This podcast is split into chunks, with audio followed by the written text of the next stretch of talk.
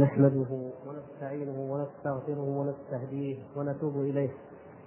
ونعوذ بالله من شرور أنفسنا ومن سيئات أعمالنا. من يهد الله فلا مضل له ومن يضلل فلا هادي له. وأشهد أن لا إله إلا الله وحده لا شريك له.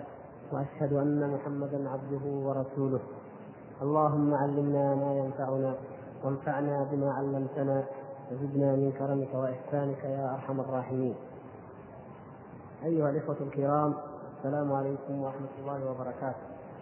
وبعد فما زلنا في مبحث الرؤية. كما مر معنا في الحلقة الماضية استعرضنا الأدلة من الأحاديث بعد أن كنا قد استعرضنا الأدلة من الآيات على إثبات رؤية الله تبارك وتعالى والرد على الفرق المخالفة في ذلك. ووقف بنا الأمر عند الكلام على علاقة موضوع الرؤية بما يسمى الجهة الذي اختلفت فيه الفرق كما سنشرح إن شاء الله تبارك وتعالى. فنقراه إن شاء الله ونشرحه. ولهذا ألزم المعتزلة من نفى العلو بالذات بنفي الرؤية. وقالوا كيف تعقل رؤية بلا مقابلة بغير جهة؟ وإنما لم نره في الدنيا لعجز أبصارنا لا لامتناع الرؤية. فهذه الشمس إذا حدق الرأي البصر في شعاعها ضعف عن رؤيتها لا لامتناع في ذات المرئي بل لعجز الرأي. فإذا كان في الدار الآخرة أكمل الله قوى الآدميين حتى أطاقوا رؤيته. ولهذا لما تجلى الله للجبل خر موسى صعقا فلما أفاق قال سبحانك تبت إليك وأنا أول المؤمنين. بأنه لا يراك حي إلا مات ولا يابس إلا تدهده. ولهذا كان البشر يعجزون عن رؤية الملك في صورته إلا من أيده الله كما أيد نبينا. قال تعالى وقالوا لولا أنزل عليه ملك ولو أنزلنا ملكا لقضي الأمر. قال غير واحد من السلف لا يطيقون أن يروا أن يروا الملك في صورته فلو أنزلنا عليهم ملكا لجعلناه في صورة بشر. وحينئذ يشتبه عليهم هل هو بشر أو ملك. ومن تمام نعمة الله علينا أن بعث فينا رسولا منا. وما ألزمهم المعتزلة هذا الإلزام إلا لما وافقوهم على أنه لا داخل العالم ولا خارجه. لا داخل. لا داخل العالم ولا خارجه. لكن قول من أثبت موجودا يرى لا في جهة أقرب إلى العقول من قول من أثبت موجودا قائما بنفسه لا يرى ولا في جهة. ويقال لمن قال بنفس الرؤية لانتفاء لازمها وهو الجهة أتريد بالجهة أمرا وجوديا أو أمرا عدميا؟ فإن أراد بها أمرا وجوديا كان التقرير كل ما ليس في شيء موجود لا يرى.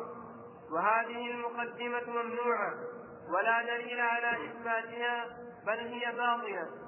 فإن سطح العالم يمكن أن يرى وليس العالم في عالم آخر. وإن أردت بالجهة أمرا عدميا فالمقدمة الثانية ممنوعة. فلا نسلم أنه ليس في جهة بهذا الاعتبار. وكيف يتكلم في أصول الدين من لا يتلقاه من الكتاب والسنة وإنما يتلقاه من قول فلان؟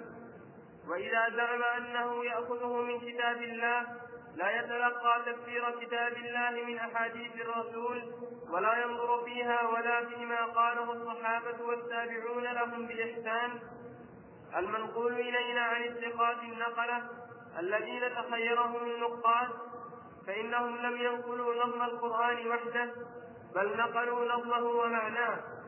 ولا كانوا يتعلمون القرآن كما يتعلم الصبيان بل يتعلمونه بمعانيه. ومن لا يسلك سبيلهم فإنما يتكلم برأيه. ومن يتكلم برأيه وما يظنه دين الله ولم يتلق ذلك من الكتاب فهو مأجور وإن أصاب. ومن أخذ من الكتاب والسنة فهو مأجور وإن أخطأ. لكن إن أصاب يضاعف أجره.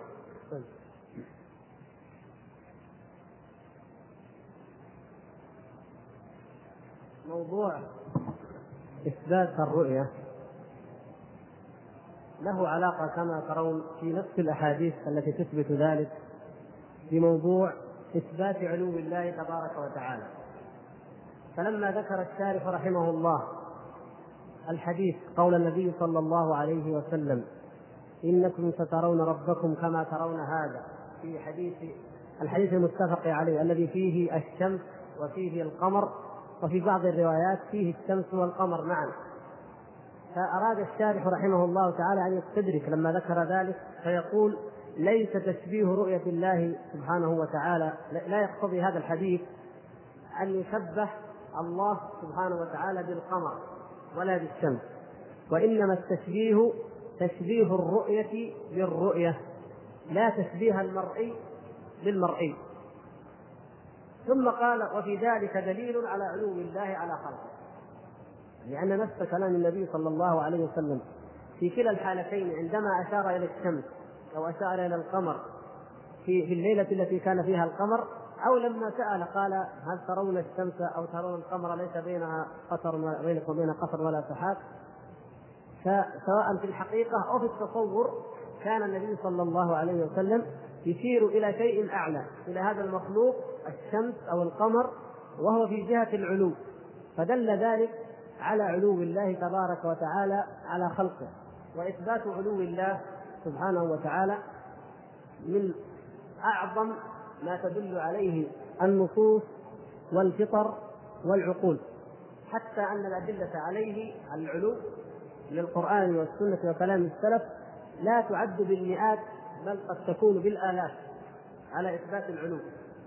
وإنما الحال كما سبق أن أوضحنا الحال أن العلو العلو ثابت بالأدلة بالنصوص وبالعقول وبالفطر هذا العلو وأما الاستواء فهو الذي ثابت بالنص. يعني الناس حتى قبل نزول حتى قبل إرسال النبي صلى الله عليه وسلم حتى العرب الجاهلية وغيرهم أصحاب الفطر كل من يؤمن بالله بفطرته يعلم أنه تبارك وتعالى فوق المخلوقات ويثبت له العلو لكن الاستواء لا يثبته له تعالى إلا من قرأ ومن سمع الوحي المنزل على النبي صلى الله عليه وسلم. فهذا لا يعلم بالعقل ولا بالفطرة وإنما يعلم من طريق الوحي وكلاهما يدل على الآخر. فلما ذكر ذلك هنا ناسب أن يذكر الفرق أو الفرقتين اللتين لهما كلام في هذا الموضوع في موضوع الرؤية مع العلو. وهاتان الفرقتان هما المعتزلة والأشاعرة أو الأشعرية. المعتزلة كما مر معنا في الحلقات الماضية ينكرون رؤية الله تبارك وتعالى وينكرون علو الله. وهم ينكرون الاثنين. ينكرون العلو وينكرون الرؤية. الأشعرية يثبتون الرؤية وينكرون العلو. فما الذي جرى؟ أنكر المعتزلة على الأشعرية هذا المذهب وقالوا لهم يلزمكم أن تنكروا الرؤية. الاثنان الفرقتان متفقتان على إنكار العلو. فقال المعتزلة للأشعرية ما دام أنكم تنكرون العلو إذا فلتنكروا الرؤية مثلنا تنكرون الرؤية. فالأشعرية قالوا لا نحن نثبت الرؤية قالوا قال لهم المعتزلة إذا أثبتتم الرؤية فكيف يرى أي شيء إلا في جهة؟ إذا يلزمكم أن تثبتوا الجهة وأنتم لا تثبتون الجهة. حتى قالوا قولة أصبحت شبيهة بالمثل. قالوا من أثبت الرؤية وأنكر العلو أو أنكر الجهة فقد أضحك الناس على عقله. وهي التي نقلها الشارح هنا قال من قال يرى من قال يرى لا في جهة فليراجع عقله. وجه ذلك كما قلنا في المرة الماضية أن الرائي بغض النظر عن كون المرئي يثبت له الجهة أو لا يثبت هذا كلام يأتي إن شاء الله. لكن ننظر الآن للرائي الرائي لا بد أنه ينظر من جهة ما في مكان ما ينظر منه. فبالنسبة للرائي الناظر إذا نظر إلى أي شيء لا بد أن يكون هذا الشيء في جهة ما منه إما أمامه مباشرة وإما فوقه وإما يمينه وإما شماله. المهم لا بد أن هناك جهة. فالقول بأن رؤية رؤية تقع وتكون بالعين حقيقة وبدون جهة هذا فيه مكابرة للعقل. فماذا قال أهل السنة والجماعة؟ قالوا بعكس ما تقول المعتزلة. قالوا لا يلزمكم أيها الأشعرية أن تثبتوا العلو. يلزمكم وأنتم تثبتون الرؤية أن تثبتوا العلو. المعتزلة قالوا لا يلزمكم وأنتم تنكرون العلو أن تنكروا الرؤية. فهذه الثلاثة المذاهب إذا فأهل السنة والجماعة يثبتون العلو ويثبتون الرؤية وهذا هو الذي يتفق مع جميع النصوص ومع العقل السليم والفطرة السليمة. المعتزلة ينكرون العلو وينكرون الرؤية. الأشعرية يثبتون الرؤية ويقولون من غير جهة ولا مقابلة ولا ولا إلى آخره فأصبحوا يتعاورهم الفريقان. هؤلاء يقولون يلزمكم أهل السنة يقولون يلزمكم أن تثبتوا العلو لأنكم تثبتون الجهة تثبتون يلزمكم أن تثبتوا الرؤية. لأنكم تثبتون العلو. هذا قول أهل السنة والجماعة. فما دمتم تثبتون العلو فيلزمكم أن تثبتوا الرؤية. ما دمتم تثبتون الرؤية فيلزمكم أن تثبتوا العلو. وأنتم تعرفون هذا. وأما المعتزلة فقالوا لهم ما دمتم مثلنا موافقون لنا في إنكار العلو فيلزمكم أن تنكروا الرؤية أيضا. فينتهي كلام المعتزلة أو أو حكاية كلامهم إلى عند قوله بغير جهة. يقول ولهذا ألزم المعتزلة من نفى العلو بالذات بنفي الرؤية. لماذا قال كلمة بالذات؟ من نفى العلو بالذات. لأن الأشعرية يقولون العلو بالقهر وبالغلبة وبالسلطان وبالتمكين. وهو القاهر فوق عباده. يقول يعني قاهر فوقهم فهو مثل إذا قلنا آنية من في السماء يعني سلطانه وقهره قوته لا لا يثبتون علو الذات وإنما علو القهر والغلبة والملك والتمكين. فلهذا قال الذات. لماذا؟ لأن الرؤية محلها أو متعلقها ما هو؟ الذات. فالكلام عن الذات وليس عن أي شيء آخر من متعلقات الذات. فهو متعلق الرؤية. فيقول ألزم المعتزلة من نفى العلو بالذات نفي الرؤية. أي يلزمه أن ينفي الرؤية. وقالوا كيف تعقل رؤية بلا مقابلة بغير جهة؟ ثم قالوا كيف تعقل؟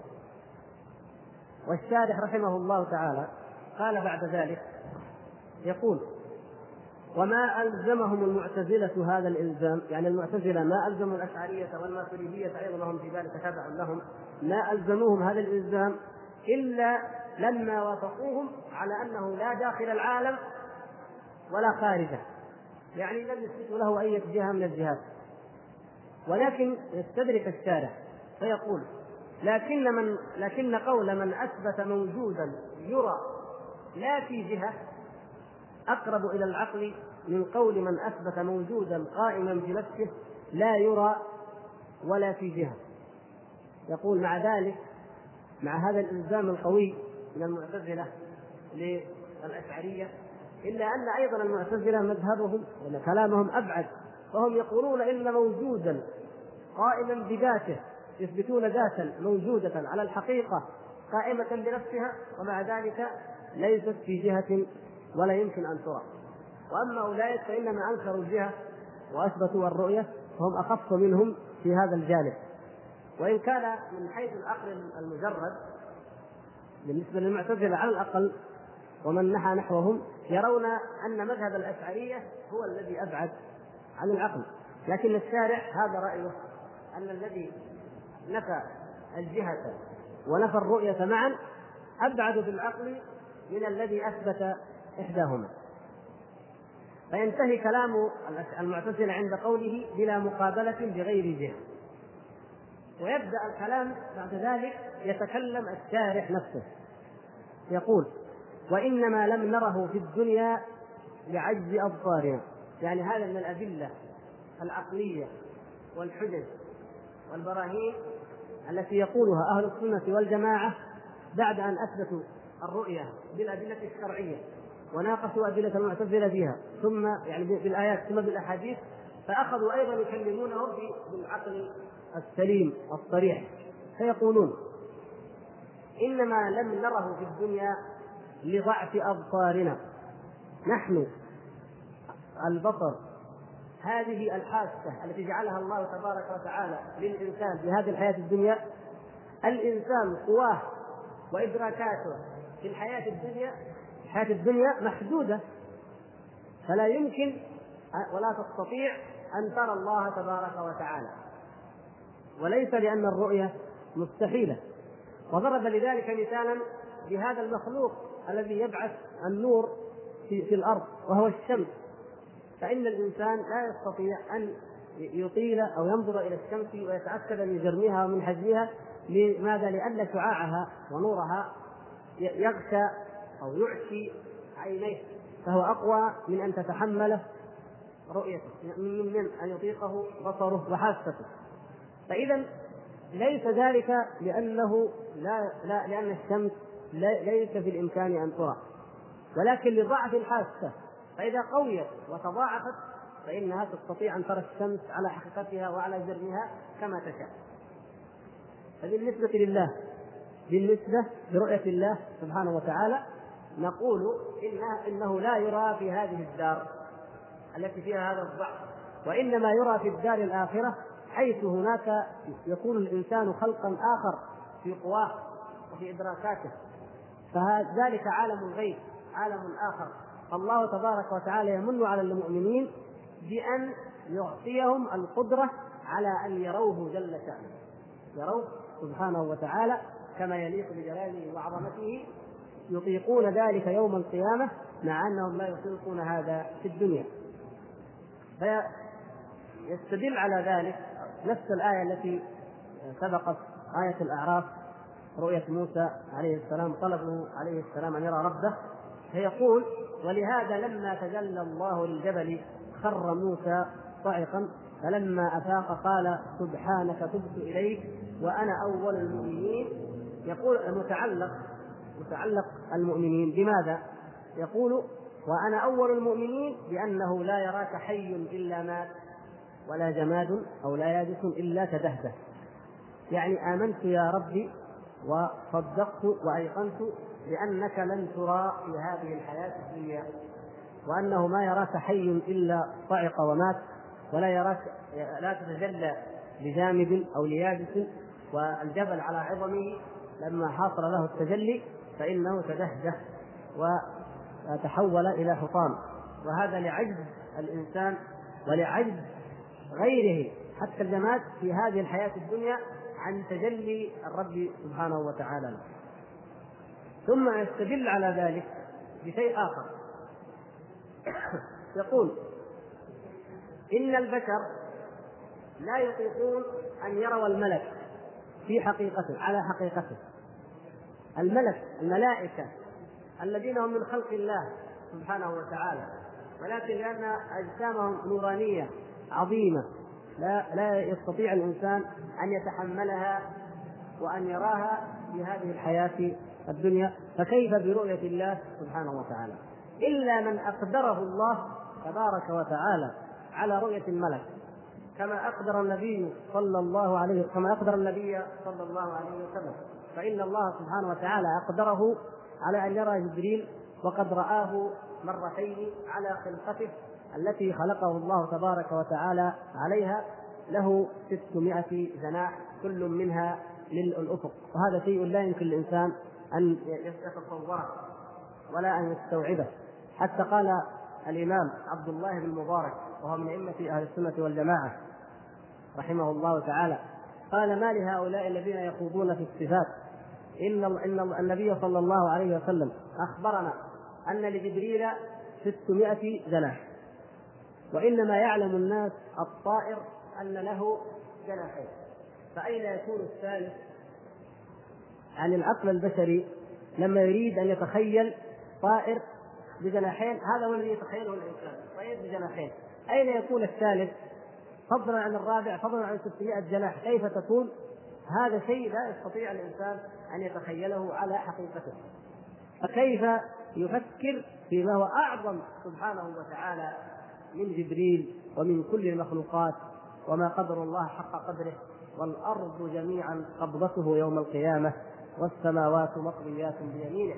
فسبحانه وتعالى عن أن تدركه الأبصار أو تحيط به العقول والأنظار. يقول في قوله تبارك وتعالى وقالوا لولا أنزل عليه ملك ولو أنزلنا ملكا لقضي الأمر. يقول قال غير واحد من السلف بعض المفسرين من السلف قالوا لا يطيقون أن يروا الملك في صورته.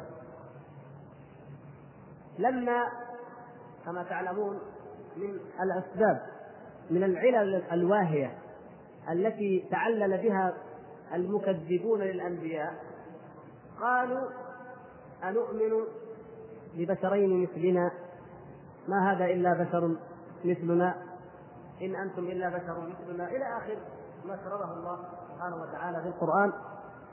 أن الأمم تقول كيف نؤمن لك يا صالح أو هود أو موسى أو محمد صلى الله عليه وسلم وغيرهم وأنتم بشر مثلنا؟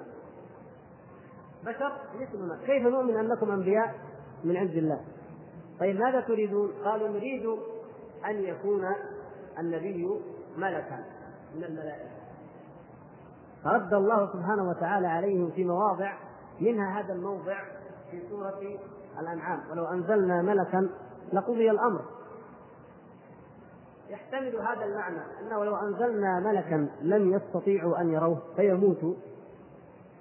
ويحتمل أنه لو أنزلنا ملكا فكفروا به مجرد أن يروه فكفروا به لكان ذلك لاستحق العقوبة العاجلة بخلاف ما إذا كان المخاطب لهم من أنفسهم. لأن الملك هذا من عالم الغيب من عالم الغيب. فأصبح في عالم الشهادة يكلمهم ويخاطبهم في عالم الشهادة. فحينئذ لا ينفع التكذيب ولا يقبل التكذيب ولا الرد ولا الجدال على الإطلاق. إما أن يؤمنوا ويذعنوا لحظة سوا وفورا وإما أن يحيط بهم العذاب من عند الله سبحانه وتعالى. لكن لما يأتي بشر مثلهم يأتي بشر مثلهم فيدعوهم إلى الله. ويقول أنا يوحى إلي من الله. إذا آمنوا بنبوته يؤمنون فعلا على الغيب لا على الشهادة. فاذا لم تأتهم الآية. إذا جاءت الآية ورأوها عيانا كما رأى قوم آه، ثمود قوم صالح رأوا الناقة مبصرة فماذا حصل لهم لما عقروها؟ أهلكوا. أصحاب المائدة توعدهم الله سبحانه وتعالى بأنه بعد أن ينزلها عليهم فمن يكفر فإني يعذبه عذابا لا أعذبه أحدا من العالمين لأنهم يرون الغيب شهادة. فكذلك بالنسبة للأنبياء فمن رحمة الله عز وجل أنه أرسل الرسل من البشر. فيكون هناك مجال للأخذ وللجدال وللنقاش ولا ولا يأتي العذاب المفاجئ. هذا واحد.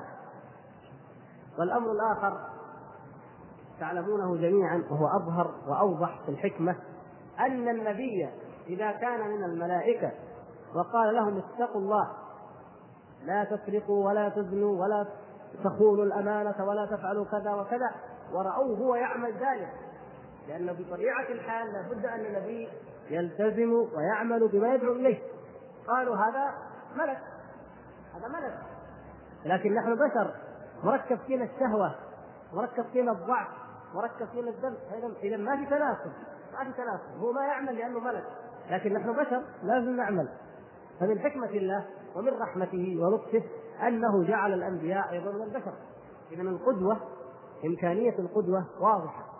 ليس هناك مجال للاعتذار صحيح أنه لن يبلغ أحد من غير الأنبياء مبلغ الأنبياء. ولكن مع ذلك تظل القدوة وتظل إمكانية المتابعة والتأسي. ويبرز في الأمم التي بعث فيها الأنبياء صديقون يقربون من درجة النبوة كما كان في هذه الأمة العشرة المبشرون بالجنة ومن قاربهم من أصحاب النبي صلى الله عليه وسلم. فهؤلاء أقرب الناس إلى مرتبة النبوة لأنهم كانوا بأخلاق الأنبياء وإحسان الأنبياء وتقوى الأنبياء تأسوا بالأنبياء تأسوا بخاتم الأنبياء والمرسلين محمد صلى الله عليه وسلم. فقاربوهم في هذه الدرجة.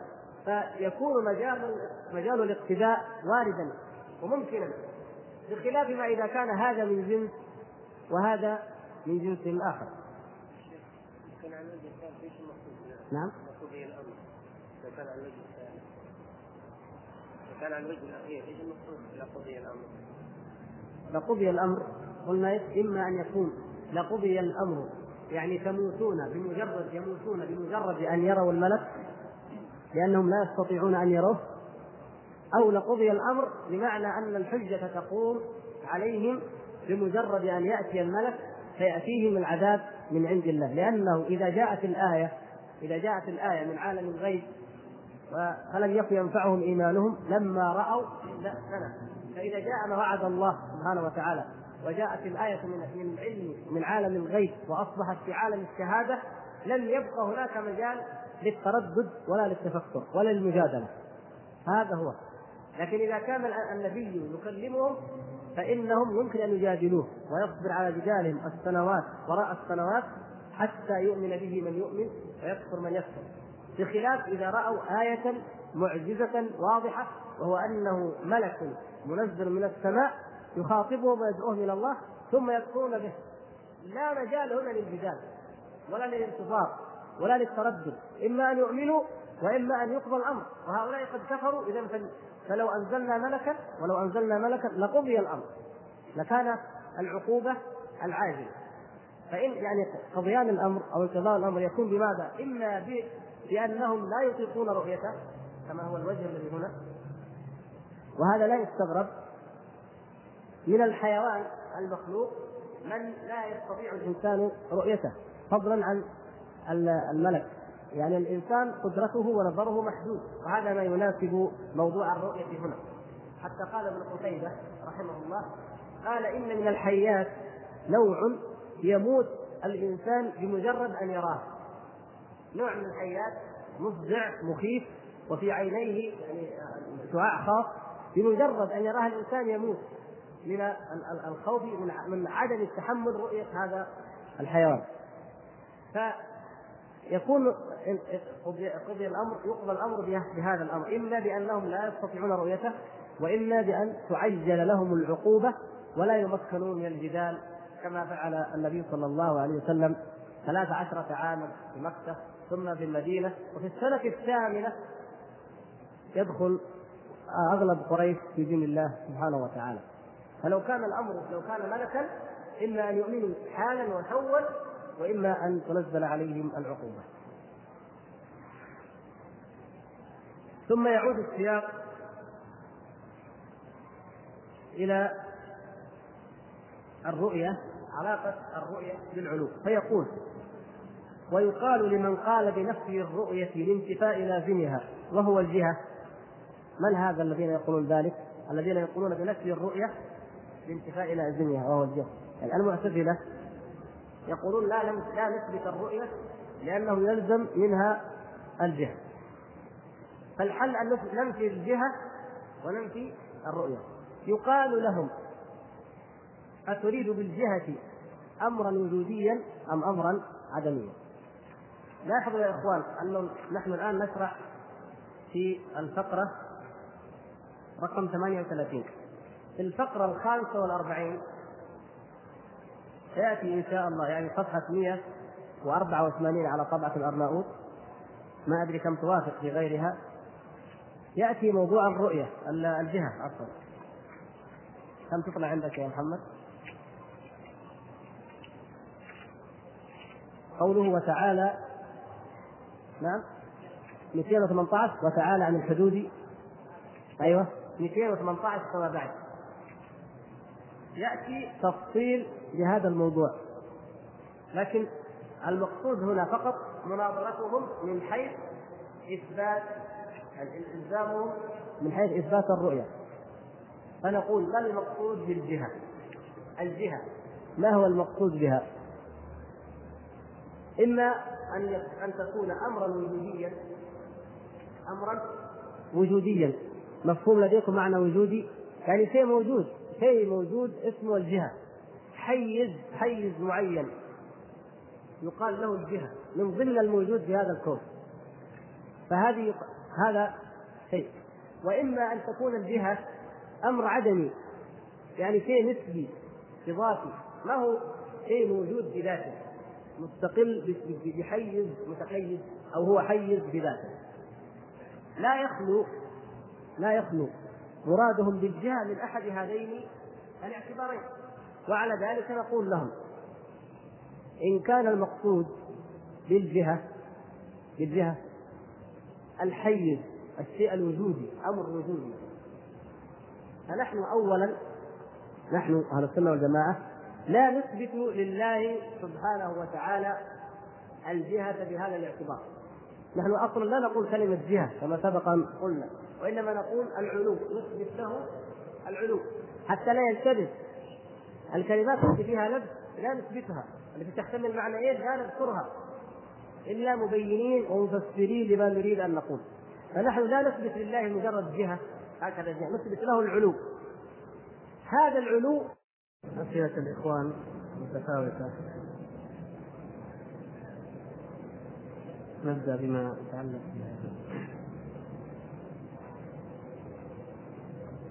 أولا الأخ أخ أحد الإخوان يقول قوله يعني قول الشارع هنا وإن أراد وإن أردت بالجهد أمرا عدميا فالمقدمة الثانية ممنوعة.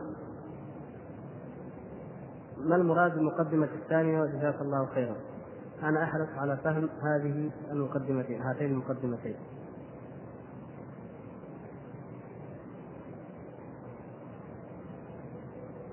وإن أردت بالجهة أيوه وإن أردت بالجهة أمرا عدميا. نعم فالمقدمة الثانية ممنوعة. في الأول قال أتريد بالجهة أمرا وجوديا. في المنطق في علم المنطق يستخدمون مقدمتين ونتيجة. يسمونها مقدمة أولى مقدمة الثانية والنتيجة. فالذي المقدمة الثانية هنا هو هي كونه إيه؟ لا يرى كلمة لا يرى. يعني كل ما ليس في شيء موجود لا يرى. فالله يعني النتيجة يكون إيش؟ ويقول والله في شيء موجود. يعني يمكن لو لو نفرناها أو جبناها بطريقة أخرى نقول إنهم يقولون كل ما ليس في شيء موجود لا يرى. هذا بالنسبة للذين يقولون وجودية. والله في في جهة ليس في جهة ليس في جهة وجودية. فالنتيجة الله لا يرى. والذين ينفون ذلك يقول آه بالنسبة للجهة الجهة الأمر العدمي أو الذي يعتبرون الجهة أمرا عدميا يقولون آه كل لا يقولون طبعا هذا كل ما ليس في شيء موجود لا يرى لكن يقولون أن الجهة ليس له جهة. ليس ليست جهة. وكل ما ليس في جهة فهو لا يرى. يعني ليس له جهة كل ما ليس له جهة فهو يرى. على الحالين المقدمة الثانية هي الجملة الثانية دائما. يعني مثلا نقول العالم متغير. يقولون كذا هم العالم متغير. وكل متغير حادث. النتيجة إيش؟ العالم حادث. فعندنا مقدمتين وعندنا نتيجة. العالم متغير مقدمة أولى. كل متغير حادث مقدمة ثانية. آه، النتيجة هي العالم حادث وأمثالها هكذا. فيقول مثلا الإنسان كما يقولون هم يعني الإنسان حيوان ناطق زيد إنسان. إذا زيد حيوان ناطق وهكذا. المقد يعني يتركب القياس المنطقي من مقدمتين ونتيجة. مقدمة صغرى مقدمة كبرى ونتيجة. فهذه هي التي هي كونه سبحانه وتعالى في جهة. المقدمة الثانية نقدر نقول بالنسبة للآخر كونه في جهة. فهي ممنوعة. يعني إذا كان يريد بالجهة أمرا عدميا لا يريد بالجهة شيء وجودي. فتكون المقدمة الثانية ممنوعة أي فلا تنبني النتيجة. فلا تنبني النتيجة وهي أنه سبحانه وتعالى لا يرى. فعلى كلا الحالين على كلا الحالين الكلام مردود. لأننا نعترف بنفس المقدمات التي قدمتموها. فيقولون مثلا الجهة الجهة يلزم من إثبات الرؤية إثبات الجهة. هذه مقدمة أولى. وإثبات والجهة أمر عدمي. هذا بالنسبة لأصحاب القول الثاني. والجهة أمر عدمي. إذا الله لا يرى. يعني هم يريدون أن يركبوا النتيجة وهي أنه سبحانه وتعالى لا يرى. فنقول انه عند من يرى أن الجهة أمر عدمي أن المقدمة الثانية ممنوعة أي أنه كونه لا يرى أو كون كون الجهة عدمية كون الجهة عدمية. يعني أمر كونه يقصد أمرا عدميا. فالمقصود بالجهة على كلا الاحتمالين أو على كلا الرأيين سواء كان اعتباري أو غير أو أو حقيقي أو وجودي الجهة لا ينتج لا ينتج النتيجة فالقياس خطأ. يعني هذه من الأشياء اللي منطق ما يحتاج إلى يعني, يعني ليس فيه فائدة وقد لا يفهم بعض الإخوان ذلك. لكن باختصار يعني المقصود أننا أنهم يقولون لا لابد أن يتكون الكلام منهما. ولذلك مما نرد به على أهل المنطق أن نقول ليس ليس ضروريا أن يتكون الكلام من مقدمتين. يعني ممكن نختصر على طول ونجيب نقول مثلا العالم حادث. العالم متغير ولهذا فهو حادث. ممكن نقول هذا الكلام. بدون ما نجيب وكل متغير حادث. يعني بدون ما نذكر المقدمة الثانية نهائيا. هذا مما يرد به عليهم على أنه في صورته ممكن أو في شكله ممكن أن آه، يعني يستغنى عنه. وكذلك في مضمونه وفي نتيجته.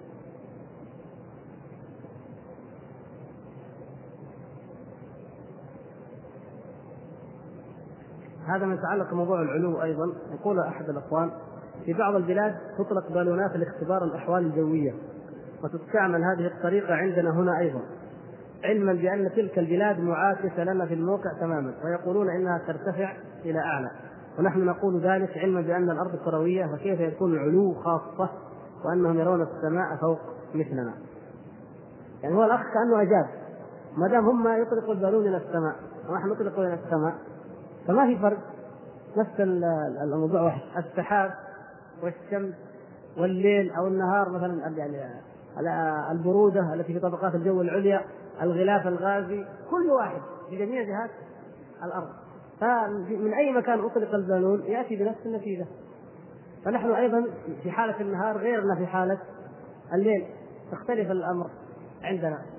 فيعني أظن الأخ نفسه لو فكر شوية يفهم إن شاء الله. ما دام قلنا نفس الكلام أن العلو أمر نسبي أمر اعتباري الجهة مسألة اعتبارية مسألة نسبية. فإذا هذه بالنسبة لنا نحن العلو هو هذا الذي نشوفه. هم العلو زينا بالضبط. يعني لو راح واحد الآن أمريكا نفس الشيء. اللهم إنهم هم في النهار مثلا. لكن نفس الشيء السماء والسحاب والغلاف الغازي والبالون يرتفع إلى أعلى نفس الشيء. ما في أي فرق. لكن القضية اعتبارية بالنسبة لنا نحن في جهة من الأرض وهم مثلا في جهة. نحن في الشرق وهم في الغرب. هذا شيء اعتباري. ما يؤثر على على الذات والحقيقة.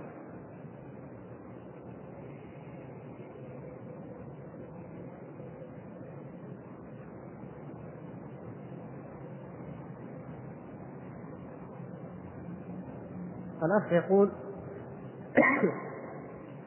لما قال الشارح رحمه الله تعالى في قوله سبحانه وتعالى فلما أفاق قال سبحانك تبت إليك وأنا أول المؤمنين. قال الشارح وأنا أول المؤمنين بأنه لا يراك حي إلا مات ولا يابس إلا كدهده يقول الأخ قوله ولا يابس إلا كدهده له شاهد من الآية لأن الجبل يابس وجعله دكا لما تجلى له الله سبحانه وتعالى جعله دكا. ولكن بأنه لا يراك حي إلا مات ما دليل ذلك؟ دليل ذلك أن موسى عليه السلام خر صعقا ثم أفاق. فلما أفاق قال سبحانك. فخر موسى صعقا من تجلي الله سبحانه وتعالى لماذا؟ للجبل. فلو تجلى له هو لمات. هذا هو الذي يفهم يعني هذا ما أخذ الشارح من الآية.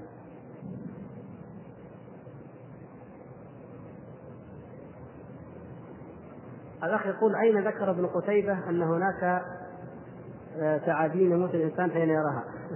لكي نرجع إليها.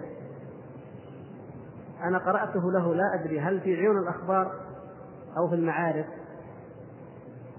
ولعلي إن شاء الله إذا كانت مهمة عند الأخ الله يعين دور لنا جزء الصفحة. لكن المهم إن هذا يعني كلام مذكور وارد.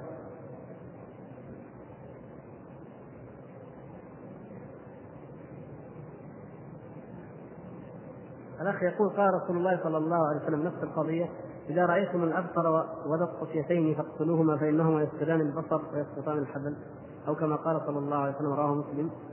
السؤال هل تخرج سموم منهما أو تنبعث أشعة؟ وما هي أقوال العلماء حول هذه المسألة؟ وكيف يتم قتله؟ أما كيف يتم قتله ما في مشكلة. ولا تسألني عن هذا. أو تقتله بأي طريقة تشاء. لكن هل تخرج منهما سموم أو تنبعث أشعة؟ هو يعني هذه الحيوان هذا الثعابين إذا لدغت الإنسان إذا لدغته فإن سمها من القوة بحيث أنه قد يسبق الدواء الذي يأخذه الإنسان ويتداوى به.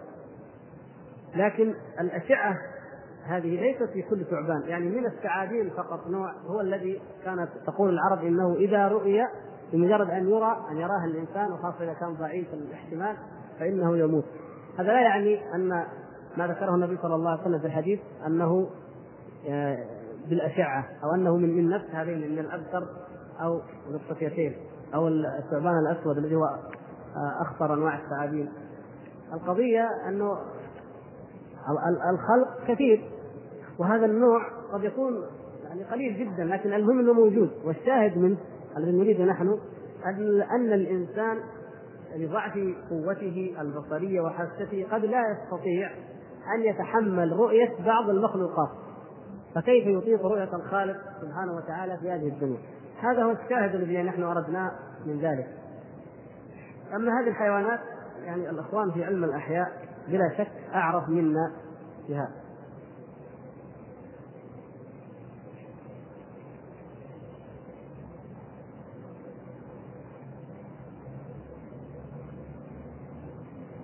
رؤية الله تعالى في المنام. الإخوان سألوا أكثر من مرة. مرات كثير يأتي هذا السؤال. فقلنا إن ال... الذي يحسم الباب في هذه المسألة ويسد الذريعة أن الله سبحانه وتعالى لا يرى في الدنيا. كما قال النبي صلى الله عليه وسلم في الحديث الصحيح إن أحدكم لن يرى ربه حتى يموت. وقلت من الأدلة على ذلك أنه إذا أحد رأى ربه وسألناه فنقول ماذا رأيت؟ فإن وصف لنا وصفا معينا يعني لابد أن يصف بشيء معين فهذا هو الذي يجعلنا نشك في رؤيته أو في رؤياه لأن رؤية الرؤيا للمنام والرؤية للنظر. فيجعلنا نشك نقول رأيت كذا ورأيت كذا فالله سبحانه وتعالى لا يمكن أن يدرك ولا سبحانه وتعالى لا يدركه الأبصار ولا أن يوصف بهذا الوصف الذي وصف به هذا الإنسان لأنه لا بد أن يصف كيفية معينة. وهذا لا يمكن أن يكون على الحقيقة ابدا. وإن كان قال فقط خيل إلي أشياء أو لا أذكرها أو لا أرى لم أرها أو ما أتأكد منها فإذا ما رأى شيء. فلذلك نقول أنه حتى نسد الباب. في هذا نقول أنه الحديث على عمومه في اليقظة وفي المنام ولم يرى أحد الله عز وجل حتى يموت كما أخبر بذلك النبي صلى الله عليه وسلم. أما إذا نسب إلى الإمام أحمد أو إلى غيره فهذا الأمر قلنا يحتاج إلى الإثبات أولا يحتاج إلى الإثبات. كثير مما ينسب إلى هؤلاء الأئمة غير صحيح. وشيء ما هو ثابت ما هو سنة ثابتة عن النبي صلى الله عليه وسلم أو عن عن غيره هذا لا نحتاج أننا لا نبني عليه أحكام. لا تبنى الأحكام على مثل هذا. فالقضية ليست قضية هينة قضية خطيرة. قضية خطيرة يا إخوان لأن أهل البدع يدخلون منها ويوسعونها ويجعلونها إلى مدى لا يمكن معه تدارك المفسدة التي تحته فحتما للباب هذا يقفل نهائيا. هذا هو الأولى والأفضل.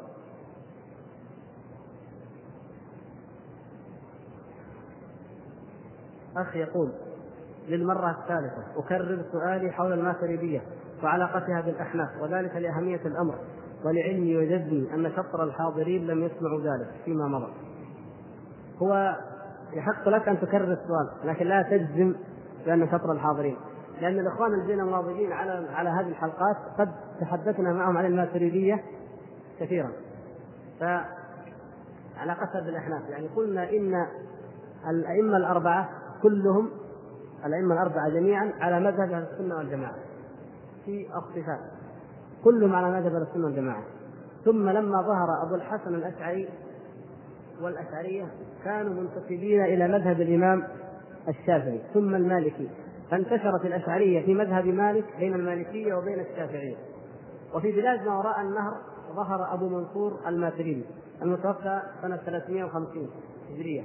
وكان في تلك البلاد التي أهلها على المذهب الحنفي وما يزالون إلى اليوم في تلك الأرض الأفغان والهند والباكستان إلا من كان من أهل الحديث.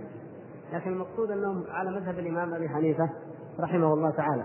فهؤلاء لما ظهر الماتريدي أبو منصور الماتريدي وكان حنفيا وأخذ علم الكلام وأدخله أدخله على الأحناف فأصبحت الحنفية ماتريدية كما أصبحت الشافعية والمالكية أشعرية إلا من كان من أهل السنة والجماعة وهم كثير في في الشافعية وفي المالكية وأيضا بعض الحنفية وغالب المنتسبين إلى مذهب الإمام أحمد. هؤلاء هم من أهل السنة والجماعة. وكذلك مذهب الزيدية كثير من أئمته انتسبوا ورجعوا إلى مذهب أهل السنة والجماعة في في العقيدة وفي الصفات كما تعلمون الشوكاني وابن الوزير والصنعاني والمقبلي وهؤلاء الأئمة أعلام. كانوا على مذهب أهل السنة والجماعة مع أنهم زيدية من حيث المذهب أو تحرروا من مذهب الزيدية في الفروع والأصول معا. فالشاهد انه يعني هذا العلاقة إن كان المقصود فقط بين الماتريدية وبين الأحناف. الذي أذكر اني سئلت عنه أكثر مرة العلاقة بين الماتريدية وبين الأشعرية. وقلنا إن الماتريدية والأشعرية يتفقان في كثير من الأصول. ينطلقان من منطلق واحد وهو علم الكلام. ولكن أيضا بينهما خلافات. ومعظم الخلافات التي بينهما خلافات كلامية خلافات في نفس علم الكلام. ولذلك لا يكاد يكون هناك فرق بالنسبة آه، لنا نحن لما ننظر إليهما لأن هذا علم كلام وهذا علم كلام وإن اختلفا فيما بينهما. فليس هناك كبير فرق فيما بينهما. مسألة الإيمان موضوع الإيمان هو الذي يختلفون فيه. الإمام أبو حنيفة بنفسه رحمه الله كان يقول أن الإيمان هو القول وإن كان قد روي أنه رجع عنه هو القول والاعتقاد ولا يدخل العمل في مسمى الإيمان. الإمام الشافعي وتلاميذه وتلاميذه كلهم يقولون إن الإيمان قول وعمل. فيما بعد أصبحت الأشعرية يقولون الإيمان هو التصديق بالقلب فقط في أغلبهم. وأما الحنفية الماتريدية فبقوا على كلام الإمام أبي حنيفة وبعضهم صار مثل الأشعرية. يعني هذه المسألة هي التي فيها شوية فرق من حيث أنها من مسائل العقيدة الكبار. أما بقية المسائل فالمنطلق فيهما فيها واحد.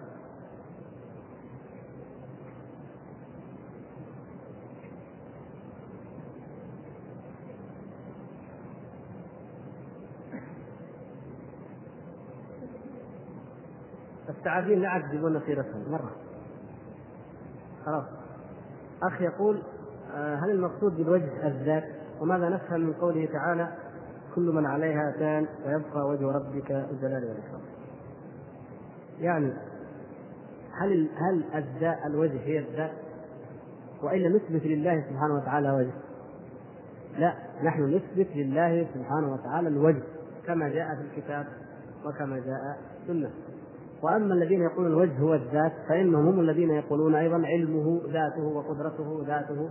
وأمثال ذلك. يجعلون الصفات هي الذات وإلا يقولون يلزم تعدد القدماء. فهذا ليس بلازم. لكن بالنسبة للرؤية بالنسبة للرؤية يقولون هل هل نرى هل رؤية وجه الله؟ هل لما يقول نرى المؤمنون يرون وجه الله. هل فقط لا يرون إلا وجه الله؟ نقول للإخوة هذا قد أجيب عنه في الحلقة الماضية أو ما قبلها وقلنا إن مثل هذه الأمور لا لا ندخل في التفصيل في الخوض فيها إلا بدليل لأنها خوض في الكيفية والكيفية نحن منهيون عن الخوض فيها. يعني رؤية المؤمنين لربهم سبحانه وتعالى جاءت بالوجه نعم تطلق على الوجه لأنه كما تعلمون الوجه هو الذي يعني موضع النظر وموضع المقابلة لما يتقابل يعني اثنان. هو هذا المألوف في في عرفنا الدنيوي والذي نعرفه نحن أن الوجه من كل شيء هو أشرف ما فيه. لكن بالنسبة لله سبحانه وتعالى لا ندخل في كيفية ذلك إلا بدليل. فنحن نقول نرى الله سبحانه وتعالى أو نرى وجه الله وندع الكيفية ولا نخوض فيها. هذا هو طريق السلامة الذي يجب أن نلتزم به.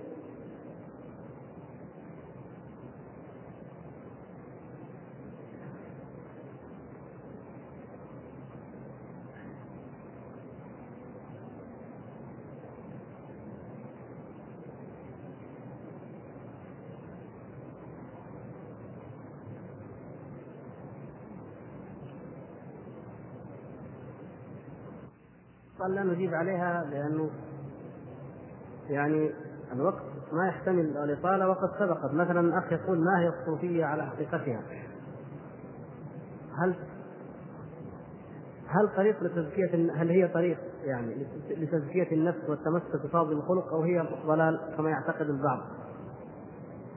لماذا تنصحون من يريد الخوض من هذا المجال الصوفية اطلاعا على الكتب أو احتكاكا بأصحاب هذه الطريقة؟ يقول لن لن نستطيع أن نقول نشرح ما هي الصوفية بالكامل لكن هل هي طريق لتزكيه النفس والتمسك بفاضل الخلق؟ إذا كانت هي ذلك أو لو كانت الصوفية هي التمسك بالأخلاق الفاضلة وتزكية النفس فهذه في ديننا موجودة لماذا نسميها الصوفية؟ هذه من الإسلام أن إنما جاء الإسلام أنزل الله سبحانه وتعالى القرآن وبعث محمد صلى الله عليه وسلم بعث رسوله بالهدى ودين الحق ليزكي هذه النفوس بالتوحيد وبالسنة وبالطاعة ويطهرها من الشرك والنفاق والبدعة والمعصية. هذا هو ديننا. هذا الذي عمله النبي صلى الله عليه وسلم وكان أزكى الناس نفسا وكان أصحابه صلى الله عليه وسلم أزكى الأمة. هذه هذا هو الذي جاء الإسلام به. فلماذا نسميه؟ صوفية؟ يعني ما في وسيلة. للإنسان أن يزكي نفسه إلا أن يكون صوفيا؟ لو كان الأمر كذلك. لا أبدا. فهي إذا في الحقيقة ليست تزكية النفس. وإنما هي منهج من مناهج الضلال. منهج كبير. أصله من البوذية من دين البوذية. وإلى الآن أعظم شبه بالصوفية هو دين البوذية. ولهذا نجد أن الصوفية كلمة عامة. كلمة عامة وإن كان كل إنسان يتأكد من هذا. ليست خاصة بالمسلمين. يعني النصارى فيهم صوفية اليهود فيهم صوفية الوجوديون الوجوديون الذين ينكرون آه، وجود الله أصلا وينكرون الشرائع والأديان جميعا. فيهم وجودية صوفية. يعني ترى أن الإنسان يعني أنواع معينة من التربية أو التزكية الروحية أو يعني وجودية ما يحتاج وجودية. ومع ذلك وجودية صوفية. فهي ليست خاصة بدين الإسلام هي طريقة آه، واسعة جدا. ليست لا تحدها القضايا العقلية. هذه مشكلة الصوفية. لا هي مثل أي مذهب آخر عقلي. يعني ممكن تقول يقول كذا وكذا وكذا. لا قضية تتبع الهاجس والحدس والظن والتخمين والخيال. والخيالات لا يحدها حد. كل إنسان خياله يختلف عن الآخر. ولهذا الطرق الصوفية كثيرة جدا والآراء في التصوف كثيرة جدا وشعب. لكن يجمعها جميعا أنها ليست مما أنزل الله على رسوله محمد صلى الله عليه وسلم. وإن اتفقت بعض أمور عند ناس من تسليل الإسلام أو للعبادة أو للذكر اتفقت مع ما جاء به النبي صلى الله عليه وسلم فهو لأن الفطرة ولأن الإنسان إذا أخذ شيء من الحق وشيء من الباطل يظهر فيه أثر بعض الحق الموجود. لا يعني هذا أن نفس المنهج صواب. لا. لكن لأن هذا الذي انتسب إلى ذلك المنهج خلط في منهجه بين حق وبين باطل فكان عنده شيء من هذا وشيء من هذا أثر من هذا وأثر من هذا.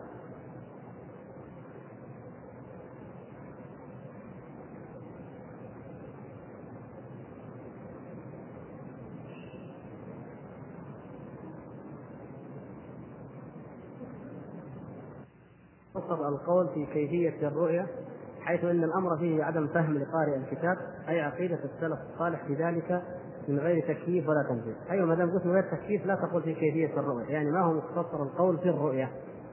مختصر القول في الرؤية أن أهل السنة والجماعة يؤمنون ويثبتون أن الله سبحانه وتعالى يراه المؤمنون في الآخرة في الجنة بأبصارهم حقيقة ويتنعمون بذلك وأن هذا هو أعظم نعيم للمؤمنين في الجنة.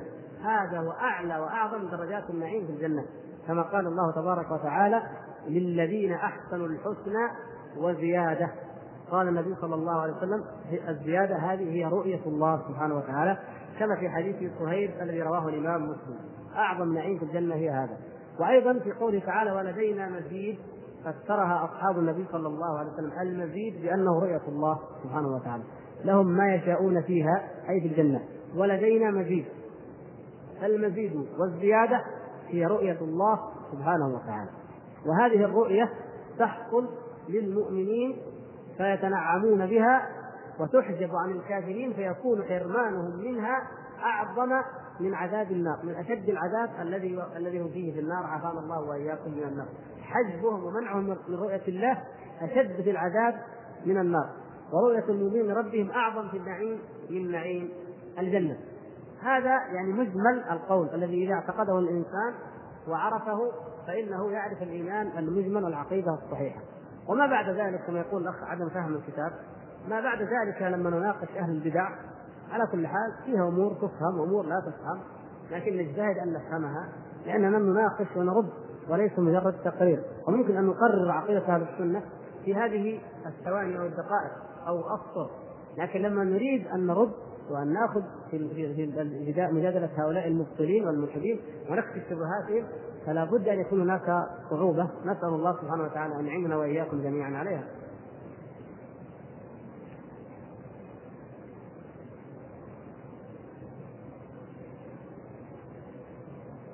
أخ يقول أنا شاب مستقيم ولا أزكي نفسي على الله لكن في بعض الأحيان يحدث لي وسوسة شيطانية تجعلني أفكر وأتخيل في الله سبحانه وتعالى أو في رسول الله صلى الله عليه وسلم. يعني يتخيل أوهام. الشيطان يسوي له أوهام أو تخيلات.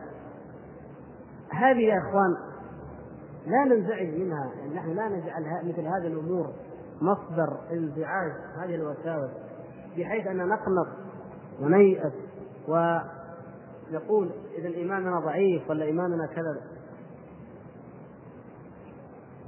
أقول إنه هذه الشكوى اشتكاها أصحاب النبي صلى الله عليه وسلم له صلى الله عليه وسلم. جاءوا إليه جاء إليه بعض أصحابه قالوا يا رسول الله إن أحدنا ليجد في نفسه ما ان يصبح حممة أن يصبح فحمه محترقة خير من أن يتكلم به. يريد أن يصبح فحمه محترقة ولا يتكلم به. ومن ذلك مثل هذه الوساوس تخطر على بال الإنسان. كما قال النبي صلى الله عليه وسلم في الحديث الآخر ما يزال الناس يسألون هذا خلق الله حتى يقولون من خلق الله. هذا منها. وأبو هريرة رضي الله تعالى عنه كان جالس في المسجد وجاء أعرابي وقال من خلق الله؟ فتعجب أبو هريرة قال صدق خليلي صلى الله عليه وسلم. صدق. أخبرنا أنه سيكون هذا وقد كان. هذه الخواطر تأتي ولكن ماذا اجاب النبي صلى الله عليه وسلم اصحابه؟ قال أو قد وجدتموه؟ وجدتم هذه الأمور واستعظمتموها واستفضعتموها ورأيتم أنها كبيرة من هذا الأخ يشكو يقول هذا؟ أنا أنا الحمد لله مستقيم أريد أن أكون كيف أدفع هذه الأمور؟ كيف؟ فيقول لهم النبي صلى الله عليه وسلم أو قد وجدتموه؟ قالوا نعم. قال ذلك صريح الإيمان أو قال ذلك محض الإيمان. وفسر ذلك كما قال الإمام القيم رحمه الله على وجهين.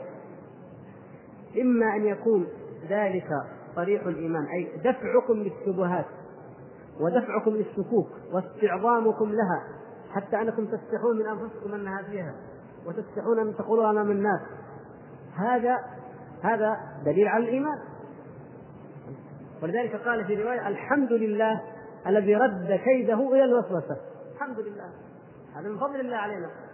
إن كيد الشيطان كان ضعيفا. ما عنده إلا الوسوسة. ما في يقين. ولذلك الشاب المؤمن الذي تحصل هذه الوساوس يدفعها ويستخضعها ويستنكرها ويجي يسأل يقول أنا كيف حصل لي هذا الشيء؟ اذا الحمد لله يا أخي اذا إيمانك قوي. الحمد لله. زادك الله إيمانا. فاذا هذا كيد الشيطان. كيده ضعيف ما عنده إلا هذا الوسوسه في أوقات الفراغ من ذكر الله خلو القلب عن ذكر الله أو يعني ضعف الإيمان يختلف ويأخذ هذه فإذا وجد غرة انتهز الفرصة. فإذا ذكر الله عز وجل وطرد خنف فإذا نقول إنه هذه ليست مما يعني بل هي القول الأول إنه إيش؟ محض الإيمان وصريح الإيمان هو أنها وجدت ودفعت يعني استتباعها ودفعها ومجاهدتها ومقاومتها هذا طريق الإيمان والقول الثالث القول الثاني عفوا قال ذلك محض الإيمان يعني إيش؟ ما دام يعني معناه أن الشيطان ما دام ما يستطيع إلا أن يأتيك بالوسوسة فقط فهذا دليل على الإيمان. هذا دليل على الإيمان. ذلك محض الإيمان يعني هذا علامة أن الإيمان متمحض وأراد الشيطان أن يعكره بهذه الوسوسة فليست مما يؤثر في الإيمان. والمعنى يعني متقاربان. المقصود من هذا أن الإنسان لا آه، ييأس ولا يقنط من أمثال هذه الوساوس والخطرات. لكن يجب أن يقاومها. نعم. يجب أن يدفعها ويجاهدها نعم. هذا واجب. صلى الله عليه وسلم. هو حسن إن شاء الله؟